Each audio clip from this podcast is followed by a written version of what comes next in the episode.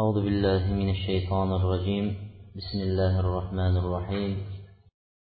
إن الحمد لله نحمده ونستعينه ونستغفره ونعوذ بالله من شرور أنفسنا ومن سيئات أعمالنا. من يهده الله فلا مضل له ومن يضلل فلا هادي له. وأشهد أن لا إله إلا الله وحده لا شريك له. وأشهد أن محمدا عبده ورسوله. أما بعد assalomu alaykum va rahmatullohi va barakatuh. Bugun odatdagiday shanba kuni islom odoblaridan boshlagan darsligimizni allohni tavfiqi bilan davom ettiramiz va alloh subhanahu va taoloni go'zal ismlari va buyuk sifatlarini o'rtaga qo'yib so'raymizki bu darsligimizni davomiy bo'lishligini. Biz islom odoblarining qur'on va hadisda kelgan go'zal xuluqlarga dalillarni aytamiz degan edik o'tgan darsda vaqt yetmaganligi uchun shu joyda to'xtaganmiz. Va undan keyin bu odoblarning islom odoblarining eng avvalo birinchisi alloh bilan bo'lgan odobga to'xtalamiz deganmiz. Alloh subhanahu va taolo qur'oni karimda mo'minlarning odoblarini maqtadilar. Va ularning payg'ambari bo'lmish va ularning boshchisi yetakchisi bo'lmish muhammad alayhissalotu vassalomni xulqlarini maqtadi. Shuning uchun biz mo'minlar bilishligimiz kerakki biz go'zal xulqlarni va go'zal odoblarni yevropadan o'rganishligimiz kerak emas. Bizdan esa ular o'rganadigan aslida ular bizdan musulmonlardan o'rganishgan. Shuning uchun alloh taolo qur'oni karimda payg'ambar alayhissalotu vassalomni maqtaganlarida innaka laala xuluqin azim. Siz dedilar payg'ambar alayhissalomni alloh taolo siz go'zal xuluq egasisiz deb maqtadilar. Maqtasa boshqa ibodatlari bilan saxovati bilan sabr bardoshi bilan zohidligi bilan maqtasa arzugiday muhammad alayhissalom ibodat qilgan edi. Lekin alloh taolo eng qiyomat kunida mezonni ham tarozini og'ir bosadigan amallardan biri go'zal xulq bo'lganligi uchun payg'ambar alayhissalotu vassalomni siz go'zal xulq egasisiz dedilar. Endi mana bu hozirgi zamonamizda musulmonlarni va din islomni shariatni ustidan kulib ularni taxalluf orqada qolganlar din eskichalik eskichalik o'qitamanmi men deyotganlar bilsinki ular hargiz hozirgi zamonaviylashib madaniylashmasin bu muhammad alayhissalom olib kelgan madaniyat va xulqqa hargiz yetisholmaydi chunki alloh subhanahu va taolo muhammad alayhissalomni go'zal xulqi bilan maqtash bilan birgalikda sizni zikringizni buyuk qilib qo'ydik dedilar. Sizni zikringizni buyuk qildik dedi. Bugungi kunimizdagi aksariyat kishilar o'zlarining ismlari ko'chalarda bozorlarda va xalqni ichida mashhur bo'lishini juda juda orzu qilishadi. Ismlari yuksak bo'lishini orzu qiladi.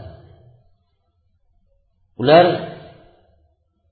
shunchalik orzu qilishmasin va ko'chalarga o'zlarini ismlarini qo'yib xalqqa tanitishlikka haris bo'lishmasin bularning ismlari o'zlarini o'zlari ishdan ketishligi bilan birgalikda maqtov taxtalaridan olib tashlanadi.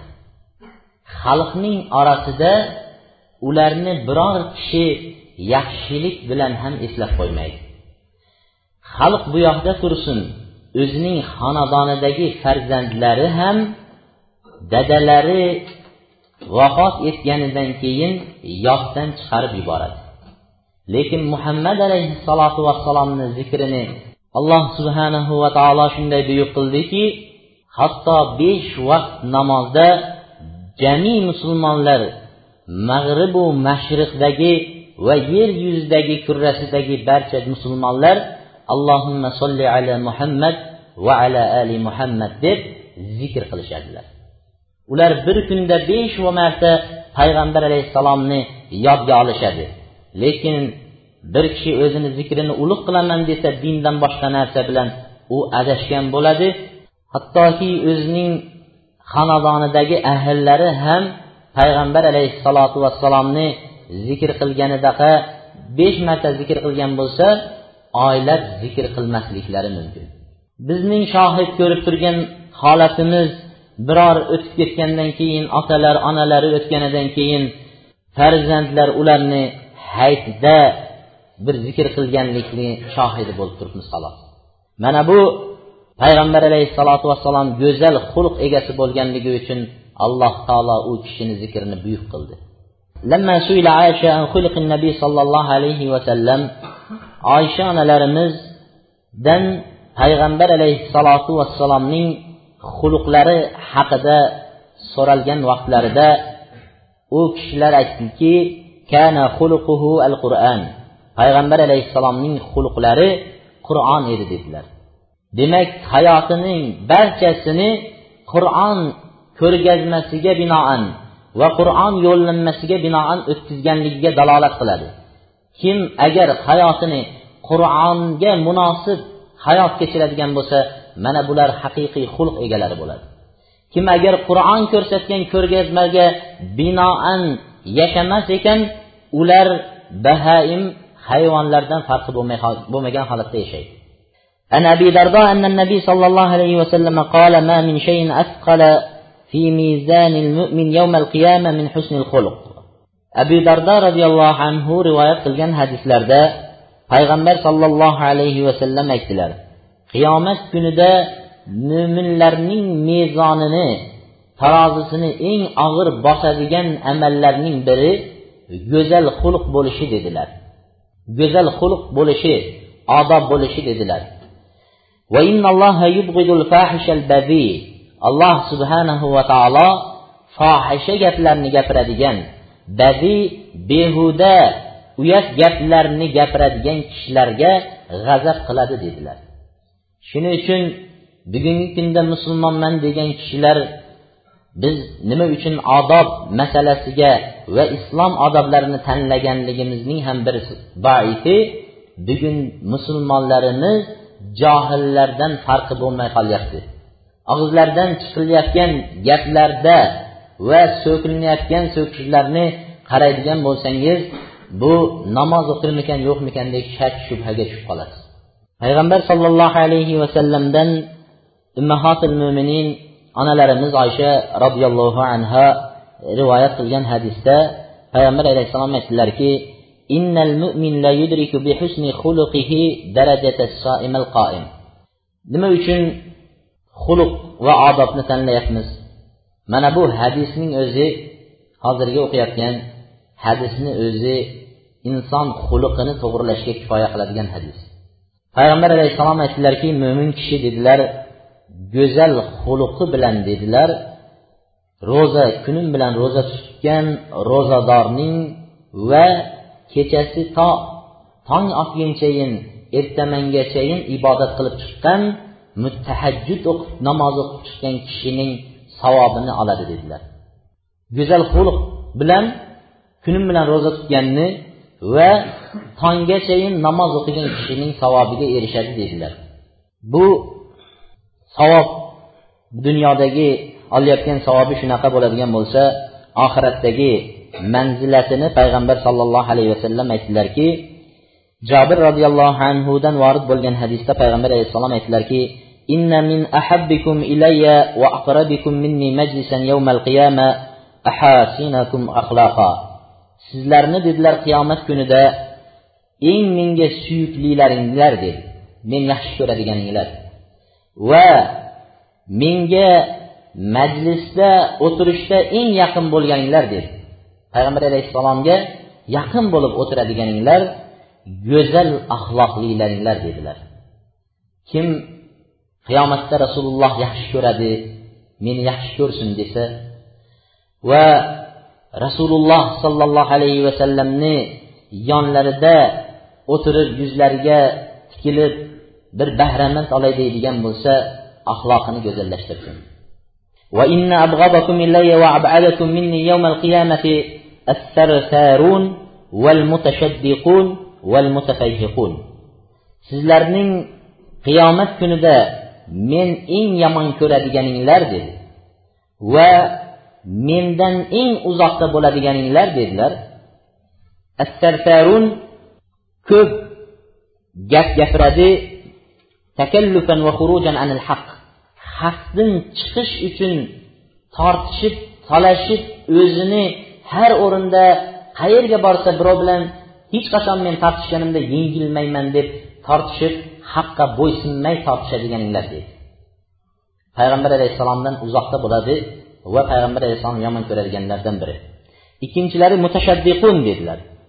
Mutashaddiq degani al mustahzi binnas yalvi shidqahu bihim og'zini birovlarni gapirgan vaqtida og'zini chekkasi bilan mangsimasdan masxara qilib gapiradiganinglar dedi.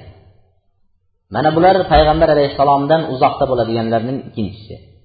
Uchinchilari al mutafayhiqun mutafayhiq deganlari humulladina yatafassauna yatawassauna fil kalam va yamlauna afwahum min al kibr ular mutafayhiq deganlari gapirgan vaqtda odamlarga murunlarini tepaga ko'tarib o'zini mutakabbir qilib ko'rsatib kibr bilan gapiradiganinglar dedi demak bular uch sifatni aytdik uchalasi musulmonlarning axloqlariga va islom odoblariga to'g'ri kelmaydigan sifatlar. Mana bu hadislardan shahid va zohir bo'lishi mo'min kishi go'zal odobi bilan jannatga kiradi. Shuning uchun biz avvalgi darslikda aytib o'tdikki biz ko'p ibodat qilishligimiz bilan yoki ko'p ro'za tutishimiz bilan jannatga kiramiz deb qolmasligimiz kerak. Chunki payg'ambar alayhissalotu vassalom aytdilarki mo'min kishi o'zining qilayotgan amali bilan jannatga kirolmaydi dedilar. Amalimiz jannatga olib kirolmaydi dedilar. Shunda yo rasululloh hatto siz ham qilayotgan amalingiz bilan jannatga kirolmaysizmi? deganlarda shunday dedilar.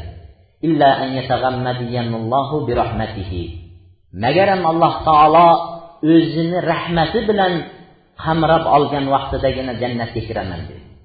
Shuning uchun bilishimiz kerakki ko'p namoz o'qishligimiz va ko'p ro'za tutishlik bilan biz ba'zi islom odoblarini nazarga ilmagan holatda o'tib ketmasligimiz kerak.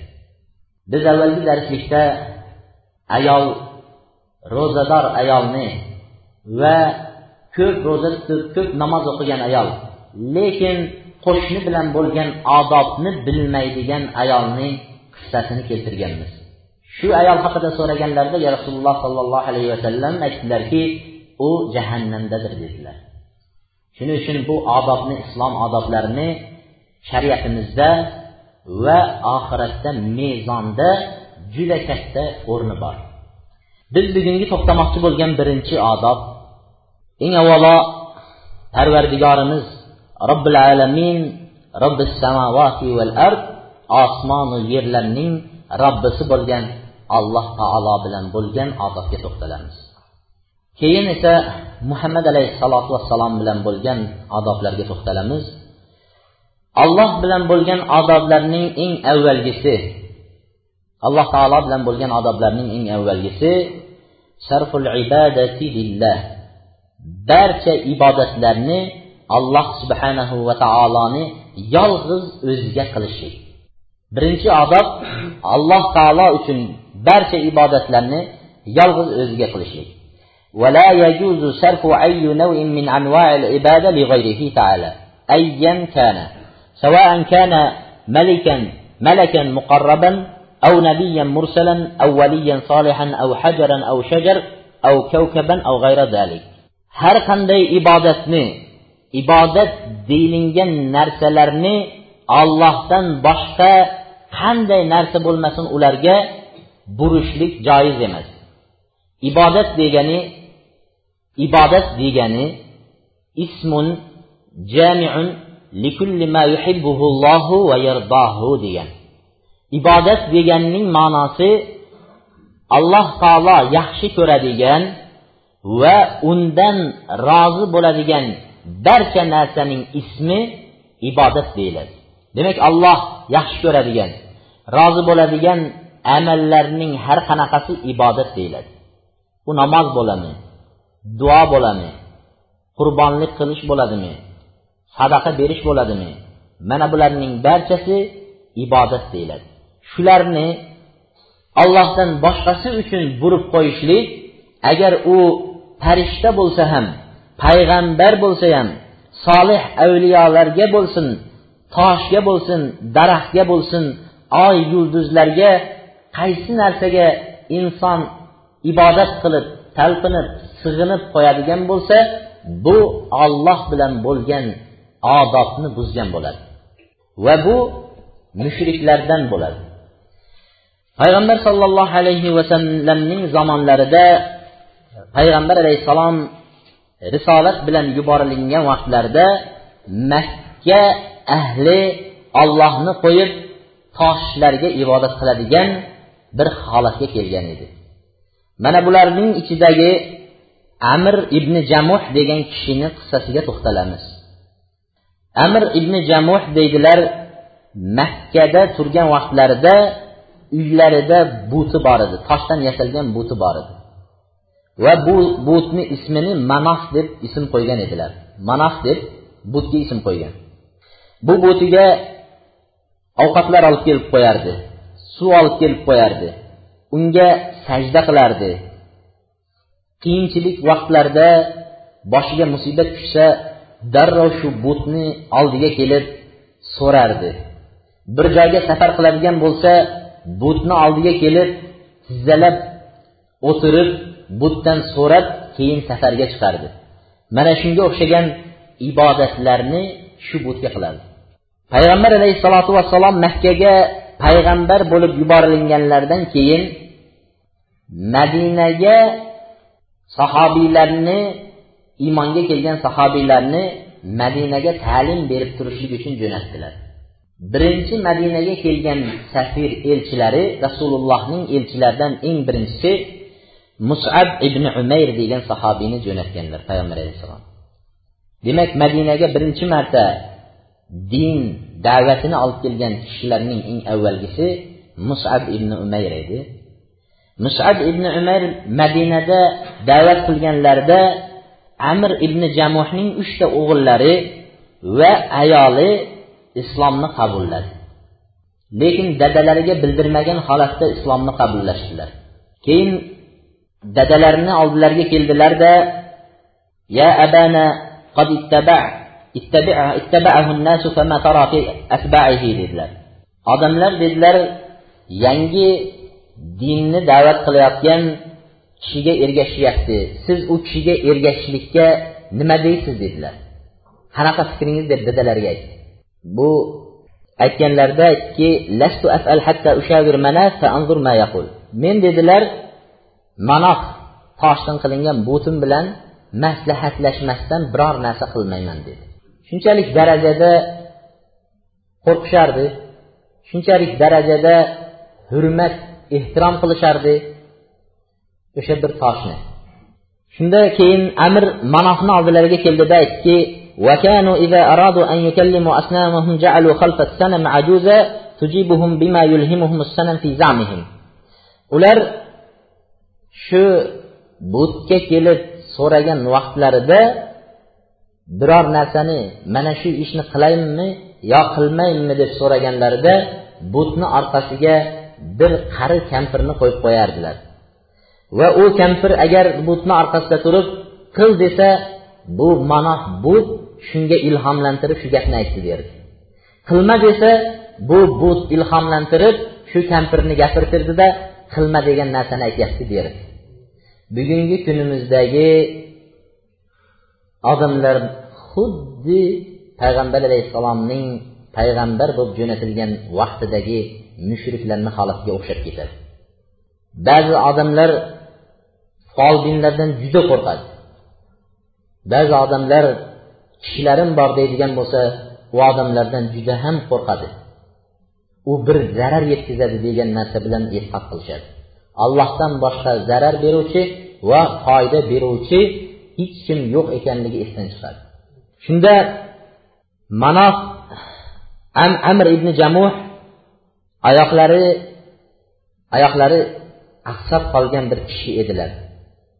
Sekin ahsoq keldilarda shu manofni oldilariga turdi. Aytdiki يا مناف لا ريب أنك قد علمت بخبر هذا القادم ولا يريد أحدا بسوء سواك وإنما ينهانا عن عبادته فأشر علي يا مناف فلم يرد الصنم شيئا ey manof dedi sen shak shubhasiz bu bizga kelib da'vat qilayotgan kishini xabaridan boxabar bo'lib turibsan dedi va bu sendan boshqa biror odamga yomonlik istamayapti dedi da'vat qilib kelgan odam butlarga ibodat qilmanglar. Bular toshdan boshqa narsa emas. Yagona allohga ibodat qilinglar deb kelgan. Shuni aytdiki amir aytyaptiki ey manoh sendan boshqaga yomonlik istamayapti u odam dedi. U senga ibodat qilishlikdan bizni to'smoqchi dedilar. Va menga qaysi yo'lga yurishimni ishora qil dedi. Manohdan so'rayapti. Qaysi yo'lga yurishimni ko'rsatgin dedi. Manoh indamadi. Tosh gapirmaydi. indamaganida haligi amir aytdiki keyin aytdilarki amir laka laallaka va inni sakitun hatta men seni g'azabingni chiqarib qo'ydim shekilli dedilar. Xafa qilib qo'ydim shekilli. Bir necha kun g'azabingdan tushguncha men seni oldingga kelmay turaman dedi. Aql shu darajada insonni aqli bizga hozir ajoyib buni qissasi qanday bir aql bo'lmaganmikan degan narsa bilan qaraymiz lekin o'zimiz hozirgi turgan zamonimizga va qo'shnilarimizga va tanishlarimiz qarindoshlarimizga nazar soladigan bo'lsak bundan battarroq bo'lib turibdi ثم تركه وخرج فلم فلما أظلم الليل أقبل أبناؤه إلى مناف فحملوه وألقوه في حفرة keyin manof amr o'zini uylariga kirib ketdi kech payt bo'lgan vaqtlarda o'g'illari keldida dadalarining butdan yasalgan manof degan o'sha butini olishib bir iflos joyga olib borib tashlashdilar. Ertaman bo'lganlarida dadalari manofni izlaydi manofni izlasa javob bermaydi. Ahlidan so'radi qayerda manof dedi. Manof butni ko'rdinglarmi? deb izlab yuribdi. Xudosini izlayapti. Shunda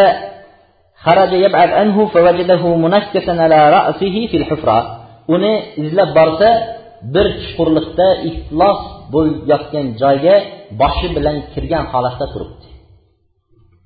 Shunda aytdiki ama vallohi ya manaf law alimtu man fa'ala hada la akhzaytuhu.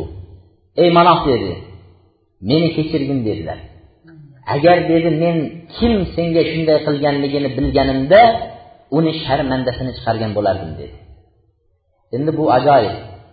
Olloh bo'lsa iloh bo'lsa unga tajovuz qilgan uni olib borib tom bu bir iflos joyga boshi bilan kirgizgunchayin turadigan iloh bo'lmaydi. Bu inson mana buni shundan keyin ham iloh deb aqli shunchalik nima qilib qolgan? O'shanga bog'lanib qolgan. Shunda ikkinchi kuni bo'lganlarida ham farzandlari xuddi shunday qildilar. Dadalari yana izlab bordilar va borib o'sha joydan topib keldi. Uchinchi kun ham shunday etdi va to'rtinchi kuni bo'lgan vaqtlarda dadalari kech payt bo'lgan vaqtlarda manoqning oldiga keldilar. Manoq butni oldiga kelib aytdiki vayhaka ya manat innal anazala tamna'u ustaha dedilar. Ey manoq dedilar. Bu bir emas ikki emas to'rt besh marta takrorlandi bu holat. Ishchilar ham dedilar o'zini dedi saqlaydi dedi boshqa ishchilardan dedi. Hech bo'lmaganda sen o'zingni himoya qilgin dedi. Va katta pichoqni manohni bo'yniga ostida agar biror odam keladigan bo'lsa mana bu bilan sen o'ldirgin dedi. Va men seni ertalab ko'raman dedi. Ertalab bo'lgan vaqtlarida farzandlari yana kechasi butni olib bir o'lik itga qo'shib bog'lab bir iflos joyga olib borib tashladi. Ertaman bo'lganlarida keldi kelib dadalari amr ibn jamuh qarasalar bu but joyda yo'q. Yana haligi musir bo'lib iflos bo'lib turgan bir joyga borib qarasa it bilan birgalikda o'lik it bilan yotibdi shunda manofning aytgan gaplari ورب يبول الثعلبان برأسه لقد خاب من بالت عليه الثعالب tulkilar itlar uni boshiga bavl qilgan peshob qilgan xudo agar shunday bo'ladigan bo'lsa u unday itlar va tulkilar boshiga peshob qiladigan xudosi bor kishilar xoba ziyon ko'ribdi dedilar Shunday narsalarga ibodat qilayotganlar ziyon ko'ribdi deydi. Agar u xudo bo'lsayu uni kelib turib itlar peshob qilib ketsa xudo bo'lsayu tulkilar kelib shu yerda hayvonlar peshob qilib ketaveradigan bo'lsa ifloh joylarga olib borib tashlanadigan bo'lsa o'zini himoya qilolmaydigan bo'lsa bunday xudoga ibodat qilayotganlar ziyon ko'ribdi dedilar. Mana shundan keyin u kishi payg'ambar alayhissalomni huzurlariga kelib islomni qabul qildi. Bu shu yerda to'xtalmoqchi bo'lgan narsamiz eng avvalo dinda farzandlar islomni qabullab dadalari hanuzgacha islom qabullamay yurgan kishilar bo'ladigan bo'lsa dadalarga go'zal muomalada chiroyli xulq bilan muomala qilishga shariat bizni buyurgan. Kelib dadasiga bu harom bu but bu xudoga shirk qilyapti. Buni men hozir sizni ko'zingizni oldida sindirib parchalab buni tashlayman demadilar. Hikmat bilan go'zallik bilan dadalarini ranjitmagan holatda juda ham yaxshi bir uslub bilan dinni qabullashiga farzandlari sabab bo'ldi. Biz hozirgi kunda agar bir hadis eshitib qolsak uyimizga borib shu kuni qiyomat qoyimni o'sha yerda ko'rsatamiz. Shu bu birinchi olinadigan e, foyda. Va ikkinchi to'xtaladigan foydalari amir ibn jamuhning hayotida to'xtaladigan foydalardan ikkinchisi inson qalbida bir narsani juda ham ulug'lab oladigan bo'lsa va bir narsaga g'ulu ketib chuqur ketib qoladigan bo'lsa uni xudolik darajasiga ko'tarib olishi mumkin. Shuning uchun ulamolar ham ulamolarni o'z manzilatidan tepaga ko'tarishdan qaytarishgan. Hatto payg'ambar alayhissalotu vassalom aytadilarki la ibn maryam abdalloh va meni nasorolar ibn maryamni maqtagandaga maqtab o'z darajamdan ortiqqa ko'tarib yubormanglar deganlar. Meni ollohning bandasi va allohning quli allohning elchisi deb ismlanglar deganlar. Shuning uchun inson bir narsani ortiqroq o'z darajasidan ko'targandan keyin uni o'zi xudolik darajasiga ko'tarib qo'yganligini sezmay qoladi. Avliyolarga borayotgan kishilar ularni qabrlarini ziyorat qilayotgan kishilar ularni o'zlariga xos manzilatdan ortiq darajaga ko'targanligi uchun shu darajaga kelgan. Shu holatga tushib qolgan. Ular ham o'lganidan keyin birovga foyda ham zarar ham berolmaydigan biz va sizlarga o'xshagan allohning bir bandalari edi. Ular o'lganidan keyin biz ularni xudolik darajasiga ko'tarib farzand ko'rmayotganlar ularning qabrlariga borib farzand so'raydigan bir holatga keldi. Boshiga mushkula tushganlar mushkulasini yechish uchun shu qabrlar tepasiga boradigan bir holat bo'ldi. Kasal bo'lganlar yugurib borib birinchi bo'lib turib qabrlarga boradigan bir holat bo'lib qoldi. Amir ibn jamuh payg'ambar sollallohu alayhi vasallamga iymon keltirganlaridan keyin badr jang bo'lgan vaqtlarda jangga chiqishga ruxsat so'radilar. Shunda payg'ambar alayhissalom qur'oni karimda aroj degani shu oyog'i oqsoq bo'lgan kishilarga jangga chiqmasa ularga uzr bor degan oyatni dalil qilib u kishini jangdan to'xtatdilar. Badr jangiga qatnasholmaganliklaridan badrda qatnashganlarni alloh taolo ulardan rozi bo'ldim. Sizlar badrda qatnashganinglar uchun nima narsa qilsanglar qilinglar men sizlarni gunohinglarni mag'firat qildim degan gaplarni eshitgandan keyin turolmay qoldi. Badrdagilarga shunaqa fazilat berildi. Uhud badrdan keyingi ikkinchi g'azot uhud g'azoti bo'ldi bir yildan keyin. Mana bu g'azotda amir ibn jamuh farzandlariga yolinib so'radiki meni qo'yinglar men chiqaman shu g'azotga dedilar. Farzandlari sizga ruxsat siz uzrliksiz deganlarida rasulullohni oldiga yig'lab bordilar. Yo rasululloh dedilar. Men jannatni mana shu oqsoq oyoqlarim bilan bosib yurgim kelyapti dedilar. Jannatni shu oqsoq oyoqlarim bilan jannatni oqsoq oyoqlarim bilan bosib yurgim kelyapti dedilar. Rasululloh sollallohu alayhi vasallamga rasululloh sollallohu alayhi vasallam amr ibn jamuhga ruxsat berganlarida uhud g'azotiga qatnashib jon taslim qilib shahidlardan bo'ldi وبعد الستة وأربعين سنة في عهد معاوية رضي الله عنه نزل بمقبرة شهداء أحد سيل شديد غطى أرض القبور فسارع المسلمون إلى نقل رفاة الشهداء فلما حفروا عن قبر عمرو بن جموه فإذا هو كأنه نائم amir ibn jamuhni uhud hajga borgan kishilar bilishadilar u yerda shuhaboi uhudlar uhudda jon taslim berganlarning maqbarasi bor mana shu maqbaraga dafn qilindi qirq olti yillardan keyin dafn qilingandan qirq olti yildan keyin muaviya roziyallohu anhuning zamonlarida shu maqbaraga qattiq bir sel kelishligi bilan u yerda ba'zi qabrlar ochilib qoldi. O'n olti kishining qabri ochilib qoldi. Yetmish shahidning o'n oltisini qabri ochilib qolganlarida sahobiylar tobeinlar shu qabrlarni ko'mishga va ochilib qolgan qabrdagi jasadlarni teparoq joyga olib dafn qilishlik uchun borishdilar. Shunda aytishadiki o'g'illari dadamizni biz qirq olti yildan keyin ko'rdik go'yo endi uxlab yotgan odam singari jasadlariga qo'limizni teggizgan vaqtimizda yumshoq bo'lib turgan ekan dedilar. Bu o'lgan odamni hammamiz shohid bo'lganmiz o'lgan vaqtida qo'llari qatib ko'zlari ochilib qolsa ochiq holatda qatib qoladi. Shuning uchun ko'zlarini yumib jag'larini yopib nima qilib qo'yishga bog'lab qo'yishga buyuriladi ammo amir ibn jamuhni qirq olti yildan keyin qabrlarini ochilgan vaqtida sahobiylar ko'rgan ekanki go'yo uxlab turgan kishi kabi edi.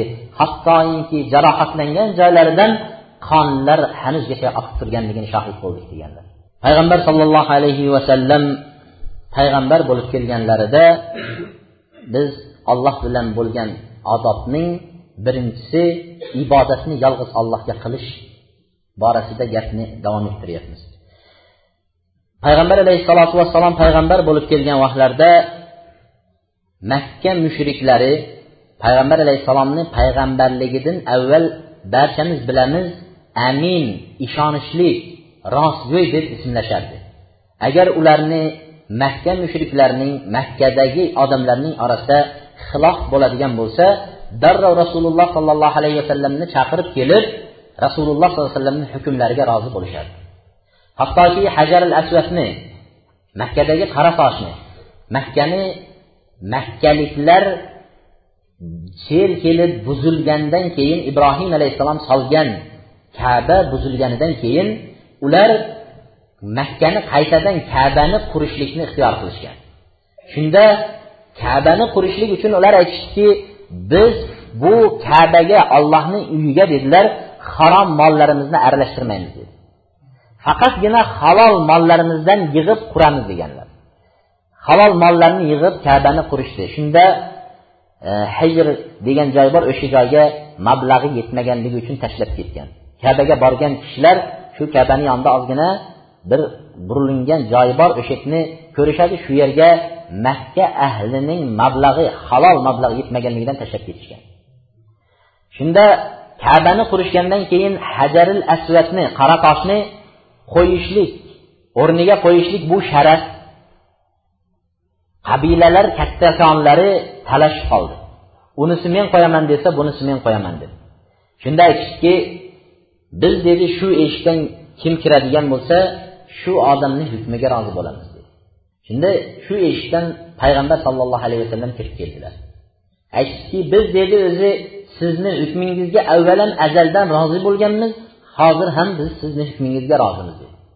Mana shu toshni qo'yishda ixtiloflashyapmiz deganlarida rasululloh sollallohu alayhi vasallam kiyimlarini yechib toshni kiyimlarini ustiga qo'yib turib barcha qabilaning boshliqlariga har chekkasidan ushlashlikni buyurdilar va birgalashib shu toshni qo'yishdilar. Mana bunaqa adolat hukm bilan o'rtada sodir bo'lgan nizoni payg'ambar sollallohu alayhi vasallam yechib beradi. Ammo risolat payg'ambarlik yuborilgandan keyin vahiy nozil bo'lganidan keyin o'sha siz bugun rostgo'ysiz deb turgan kishilar bugun siz kazzob yolg'onchisiz deyishdi. Sehrgar dedi. Folbin deyishdi. Erkak ayollarni ota farzandlarni orasini ajratib yuboradigan sehrni o'rgangan degan kalimalarni aytishdi. Yaxshiyamki alloh subhanahu va taoloning hikmati bo'lgan ediki payg'ambar sollallohu alayhi vasallam omiy yozish va o'qishni bilmaydigan bir kishi payg'ambar bo'lib kelgan edi. Shuning uchun alloh taolo iqro o'qing degan vaqtlarida payg'ambar sollallohu alayhi vasallam men o'qish va yozishni bilmayman deb javob bergan edi. Bir kunda alloh taoloning vahiy nozil bo'lgan vaqtida o'qishni o'rgangan payg'ambar sollallohu alayhi vasallam shunday bo'lsa ham mushriklar buni bilar edi lekin bu sehr ilmini yaxshi biladi deyishdi. Mana shunday tuhmatlar bo'ldi. Shunda payg'ambar sollallohu alayhi vasallamning huzuriga mushriklar hech bir yo'l topolmadilarki odamlarni uni da'vatidan to'sishga yo'l topolmagandan keyin bir kishini payg'ambar alayhissalomning huzuriga bir maslahatlashish uchun ba'zi bir fikrlarga rozi bo'lsa shuni biz payg'ambarga aytib ko'raylik deb husayn ibn munzir al huzaiy degan kishini jo'natdilar payg'ambar alayhissalomni oldilariga husayn ibn munzir al huzaiy huzaiy degan kishilar keldida aytdiki ya muhammad فرقت جماعتنا وشتت شملنا وفعلت وفعلت وإن كنت تريد مالا جمعنا لك حتى تكون أكثرنا مالا ey muhammad dedilar sallallohu alayhi vasallam siz dedi kelib bizni jamoatimizni bo'lib tashladingiz dedilar va bizning birligimizni tarqatdingiz. Va bunday qildingiz unday qildingiz deb ba'zi narsalarni sanadilarda keyin aytdiki biz sizga ba'zi narsalarni ko'ndalang qilamiz. Agar shu risolatni olib kelib shunday qilishdan maqsadingiz mol jamlashlik bo'ladigan bo'lsa dedilar biz sizga eng ko'p mollarni jamlab beraylik dedilar. Va eng bizni ichimizda boy kishi qilib qo'yaylik dedi va agar dedilar shu da'vatingizdan maqsad ayol makkada nom chiqarib go'zal ayollarga erishishlik maqsadi bo'ladigan bo'lsa biz siz ixtiyor qilgan ayolni sizni huzuringizga keltirib beramiz dedilar. Agar dedilar podshohlikni makkaning podshohligini qo'lga kiritmoqchi bo'lsangiz dedilar biz sizga dedi o'zimizni tepamizda boshliq qilib saylab olaylik dedi. Shunchalik darajada takliflar qo'yildi. Shunchalik darajada takliflar qo'yildi. Haqiqatdan ham yagona allohga da'vat qilib haqiqiy ilmni da'vat qilib kelganlarning tepasiga ko'p sinovlar keladi. Xalq tarafidan va shaytonlarning tarafidan shunday sinovlar keladi. Ig'ro aldash dindan uni aldab chiqarishlik uchun. Shunda payg'ambar sollallohu alayhi vasallam aytdilarki فلما انتهى من كلامه قال له رسول الله أفرغت يا أبا عمران ey aba amron dedilar siz gapingizni tugatdingizmi dedilar ha men gapimni tugatdim deganlarida endi men sizdan ba'zi narsalarni so'rayman siz javob bering dedi siz aytdingiz men eshitdim dedi endi men sizdan so'ray siz menga javob bering dedilar hola so'rang men javob beraman deganlarida aytdiki ya aba amron kam ilahan tabud ey abo imron nechta xudoga nechta ilohga ibodat qilasiz dedilar. Deganlarida aytdiki abudu saba. Yettita ilohga yetti xudoga dedi ibodat qilaman dedi. Ularning bittasi osmonda oltitasi yerda dedilar. Bundan ajablanmasak bo'ladi. Biz ibodat qilayotgan xudolarning sanog'i yetti emas yetmishga yetdi hozirgi kunimizda. Yetti emas yetmishga yetdi. Uning bittasi osmonda oltmish to'qqiztasi yerda bo'lib turibdi. Dehqonlar dehqonchilik qilishi uchun dehqon boboga deb turib atab turib bir xudoyi qiladi. Shamol bo'lsa shamol boboga deb turib ish chiqaradi temirchilar temirchiga duradgorlar duradgorga har bir sohani o'zini xos xudolari paydo bo'ldi bu zamonimizda. Va ularga ibodat qilib shularga qilmasak ishim yurishmaydi orqaga ketib qoladi ishim deb qo'rqib shuni qiladida va men yagona bitta olloh osmonda ekanligiga ishonaman deydi. Ha o'zi bu yerda yetmishtasini xudo qilib ushlab oldi yerda. Bittasini osmonga zapasga qo'yib qo'ydimi? Mana bu bugungi kunda u husayn ibn munzirning holatidan ham battarroq bir holatda turibmiz. Biz olloh bilan bo'lgan odobga juda ham xilof ish qilyapmiz shunda aytdiki payg'ambar alayhissalom aytdilarki dedilar. Agar mol dunyoyingiz halok bo'ladigan bo'lsa qaysinisiga duo qilasiz? dedilar. Qaysinisidan so'raysiz? Mol dunyo halok bo'lganda deganlarda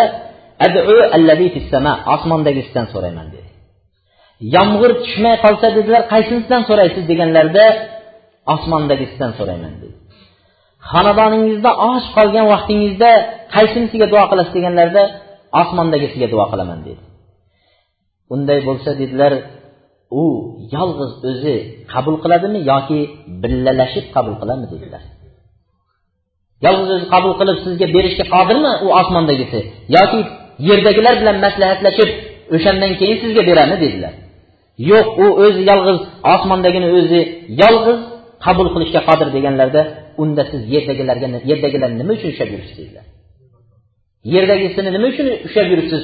Osmondagi yolg'iz olloh o'zi sizni kasal bo'lsangiz shifo berishga molingiz halok bo'lsa mol berishga farzandingiz musibatlansa musibatini ko'tarishga qodir ekan yerdagilar nima uchun dedi.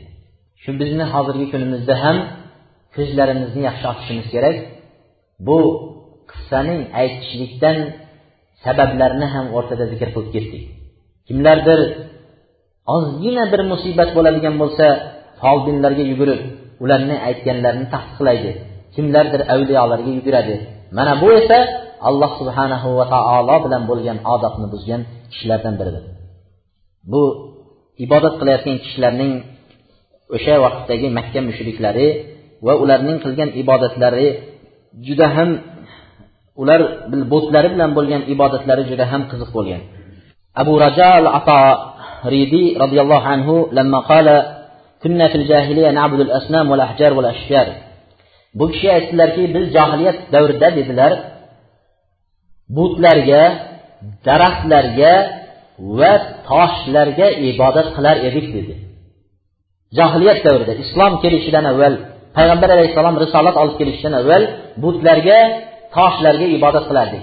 Bizni hozirgi kunda risolatdan keyingi davrda ham ba'zi bir daraxtlar tabarruklanmoqda. Va ba'zi bir toshlar qubbalar qo'yilib ular juda ham katta bir hattoki tavof qilish darajasiga yetib kelmoqda. Bu kishi shunday dedilar. Biz shunday toshlarni ulug'lar edik dedi. Bizdan ba'zilarimiz tosh olib yurardik. Ibodat qilib yurardik. Bir musibat kelsa shu toshga qarab iltijo qilib menga bunday musibat keldi shu musibatimni yechib bergin nima deysan deb maslahat qilardik dedi. Agar yo'lda ketayotib undan chiroyliroq tosh ko'rib qolsak haligi toshni otib yuborib ikkinchi toshni xudo qilib olib ketaverardik bu kulgili. Bugungi kunimizda bizni qilayotgan ishimiz ham bu bir avliyoning qabriga borib farzand so'rab ko'ramiz farzand ko'rmayotganlar. Agar u avliyodan keyin ham bir yil ichida yoki farzand ko'rmaydigan bo'lsa u avliyodin tashlab turib boshqa ikkinchi kattarog'iga o'tib ko'ramiz xuddi bular toshni olib tashlab yuborganga o'xshab biz ham avliyolarni bugun bunisini xudo qilib ushlaymiz ertaga ikkinchisini uchinchisini qo'yaveringki sayromda bor sansiz bog' turkistonda tuman bog' deb mana shunchalik darajaga keltirganmiz. Adadi yo'q xudolar degan narsa bo'ldi bu. Narsalardan ehtiyot bo'lish kerak. Shunda hatto dedilar biz safarda yurgan vaqtlarimizda xudolarimizni o'zimiz bilan birga olib yurar edik dedi. Va ovqat qilishlik uchun safarda sahroda qumning ustida tosh topilishi juda qiyin bo'lib turgan joyda ba'zi bir toshlarni topib kelib ovqat qilishlik uchun tagiga tosh qo'yardik degan. Shunda ikki tosh topib uchinchisiga topmay qolsak xudolarimizni qo'yib turardik derdi. Toshni xudo qilib ushlab shuni qozonni tagiga qo'yib qozonimizni ovqatimizni pishirib olishga qo'yib turardik deydi. Mana shunchalik darajada ularning aqllari shunday bo'ladigan bo'lsa bizniki ham hozirgi kunda undan battarroq bo'lib turibdi. Va yana aytadigan bo'lsa u domillarlar nimani bildi? Mana bunaqa karomatlar bo'lyapti hozir borganlarga deb bir shaytonlarning ko'rsatgan narsani karomat deb yurganlar juda ko'p. Umar ibn hattob roziyallohu anhu ba'zida yig'lardilar va ba'zida kular edilar. Shunda kuladigan narsalarini so'ragan vaqtlarida nima narsa uchun kulasiz? deganlarida biz johiliyat davrida dedilar xurmolardan dedilar xudo qilib olar edik dedi xurmolarni xudo qilib olardik dedi. Yo'lda ketayotgan vaqtlarimizda qarnimiz ochib qolsa dedilar uni yeb qo'yar edik dedi. Uni yeb qo'yar edik dedilar. Mana shunchalik darajada bo'lganligimizga men endi islomni qabullab men bu narsalarning kulguli ekanligidan endi kulyapman deganlar. Shirk demak allohdan boshqaga ibodatni burishlik bu allohga bo'lgan odobning yo'qligi va yomon axloqlardan biri va eng katta gunohlardan olloh kechirmaydigan gunohlardan shirk deb ataladigan gunohlardan biri shu.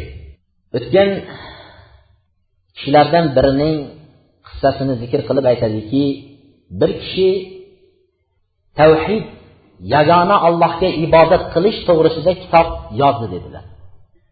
Va shu kitob o'zi yozgan kitobdan dars bera boshladi madrasada va masjidlarda shogirdlarga shu kitobdan dars berdi kunlardan bir kuni bolalar o'sha o'zining shogirdlari aytdiki ey shayx dedi.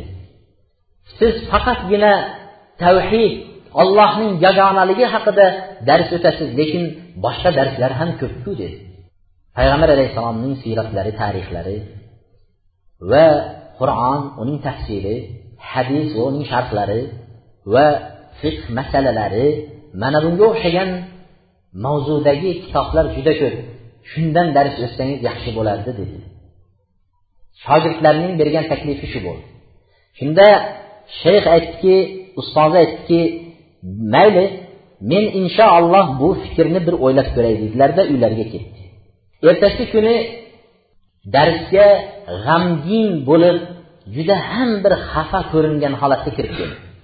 Shogirdlari so'radiki shayx ustoz sizga nima bo'ldi deganlarida aytdiki أن رجلا في قرية مجاورة سكن بيتا جديدا وخاف من تعرض الجن له فذبح ديكا عند عتبة باب البيت bizni dedi qo'shni qishlog'imizda bir kishi ko'chib keldi shu yerga dedi va u uyga kirgan vaqtlarida yangi olgan uyga ko'chib kelganlarida u yerda jinlar yashaydigan bir uyga kelib o'rnashdi Hech u yerda turishni imkoni bo'lmay unga jinlar aziyat yetkazganligidan ba'zi kishilar jinlarga atab bir tovuq so'ying degan ekan shu tovuqni qurbon qildi shu kishi dedilar. Shogirdlari ha shunaqa bo'ldimi? deb qo'ydi.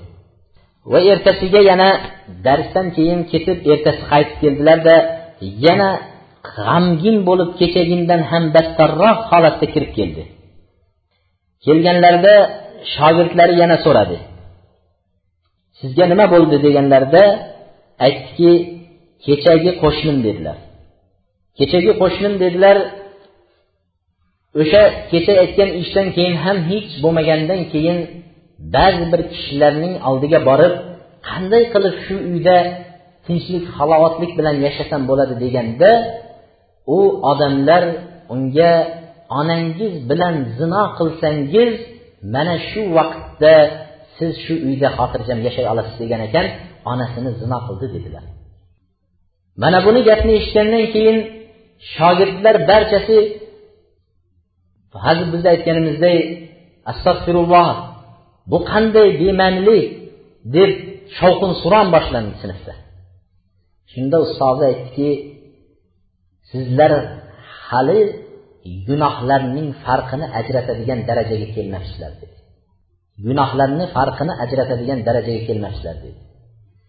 Alloh subhanahu va taolo har qanday gunohni kechiraman zino bo'lsa aroq ichgan bo'lsa boshqa bo'lsa har qanday gunohni kechiraman lekin allohga shirik keltirilgan shirik qilingan gunohni men hargiz kechmayman dedi.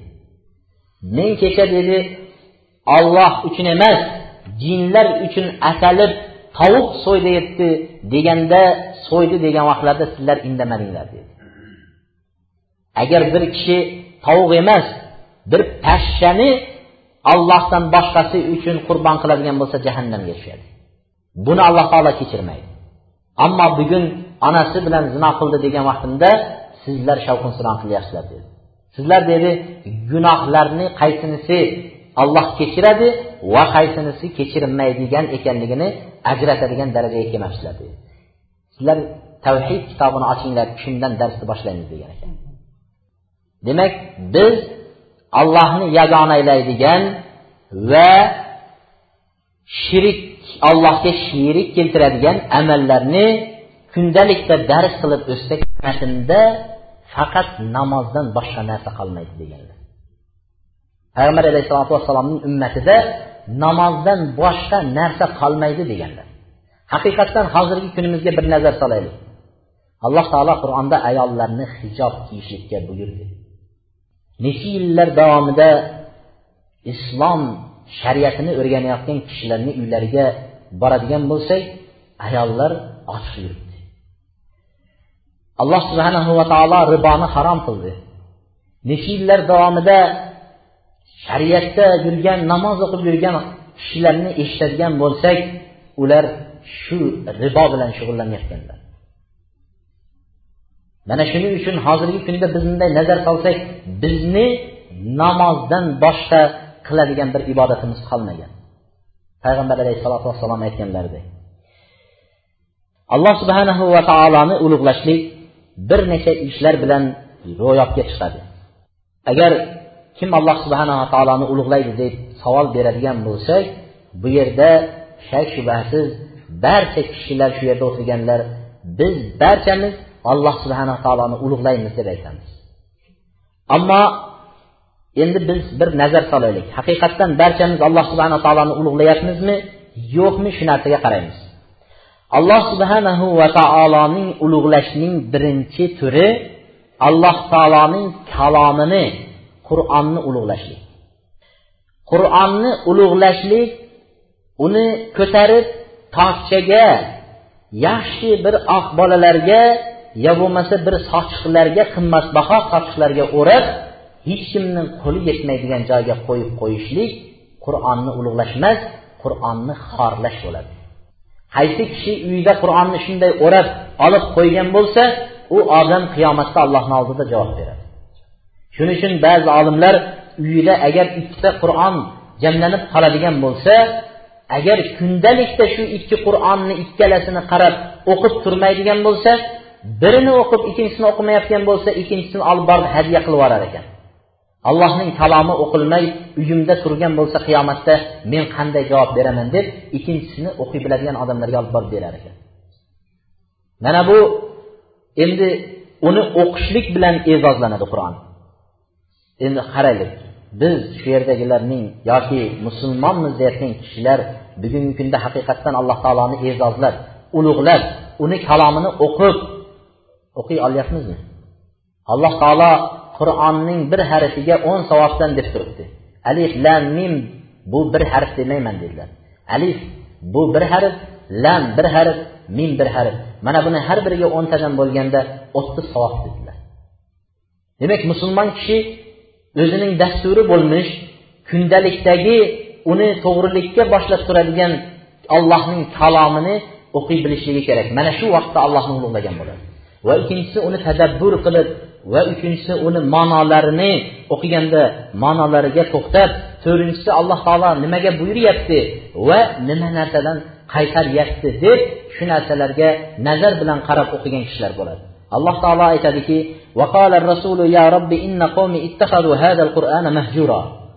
furqon surasida alloh taolo shu oyatni keltirdi.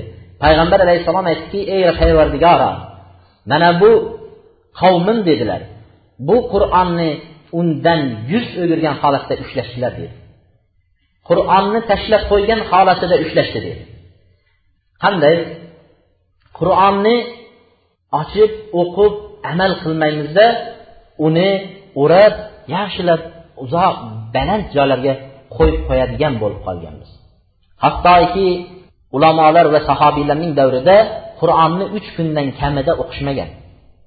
Uch kun o'tganda qur'onni xatm qilib turgan ular biz o'zimizni hayotimizga agar bir nazar soladigan bo'lsak qur'onni hayotingiz mobaynida nechta marta xatm qilib tugatib chiqqansiz degan savolga har kishi o'ziga o'z nafsi bilan javob bersin.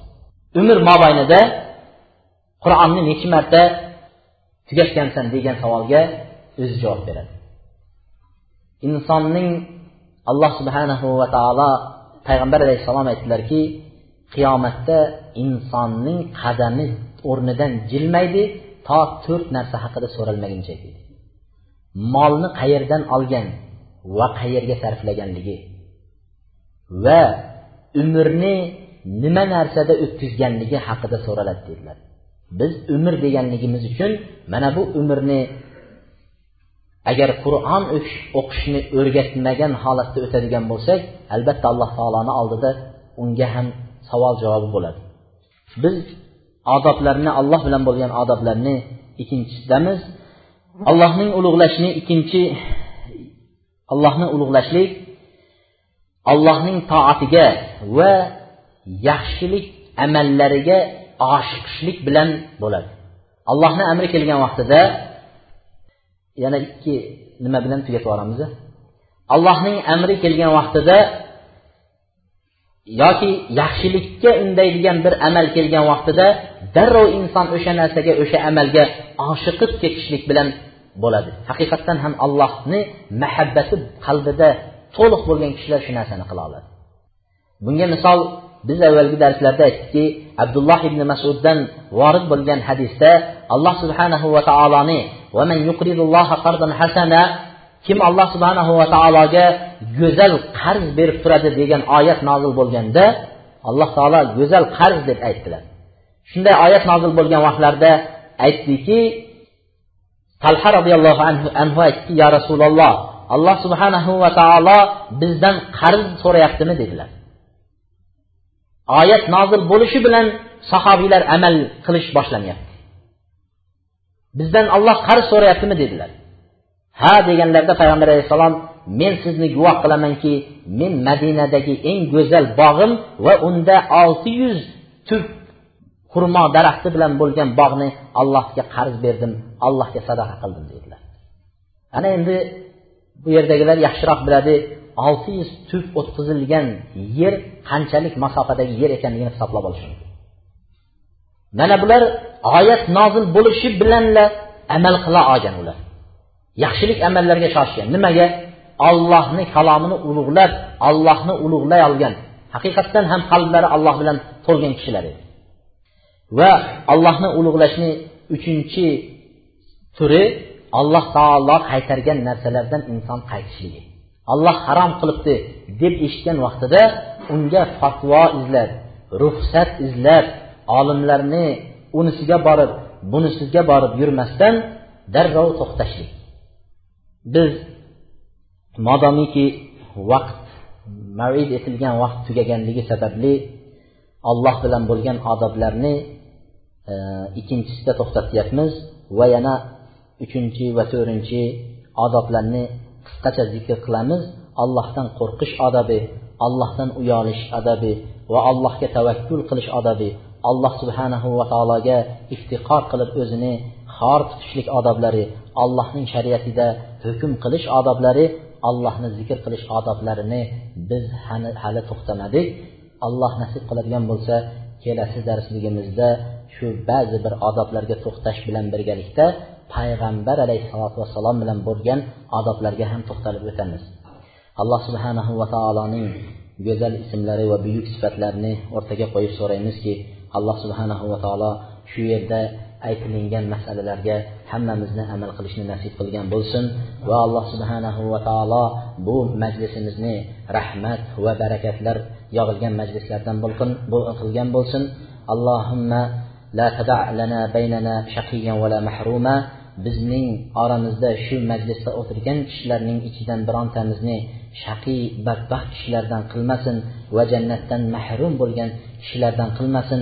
Alloh subhanahu va taolo o'zi marhamatiga olib barchamizni shu yerlarda gunohlarimizni mag'firat qilib qumu faqat g'afartu lakum sizlar majlisdan turinglar va sizlarni gunohlaringlarni men mag'firat qildim degan kishilardan qilishligini so'rab alloh subhanahu va taolodan jannat va unga erishishlikni nasib qilishini so'raymiz. Subhanakallohumma va bihamdika astag'firulloh va atubu ilayk.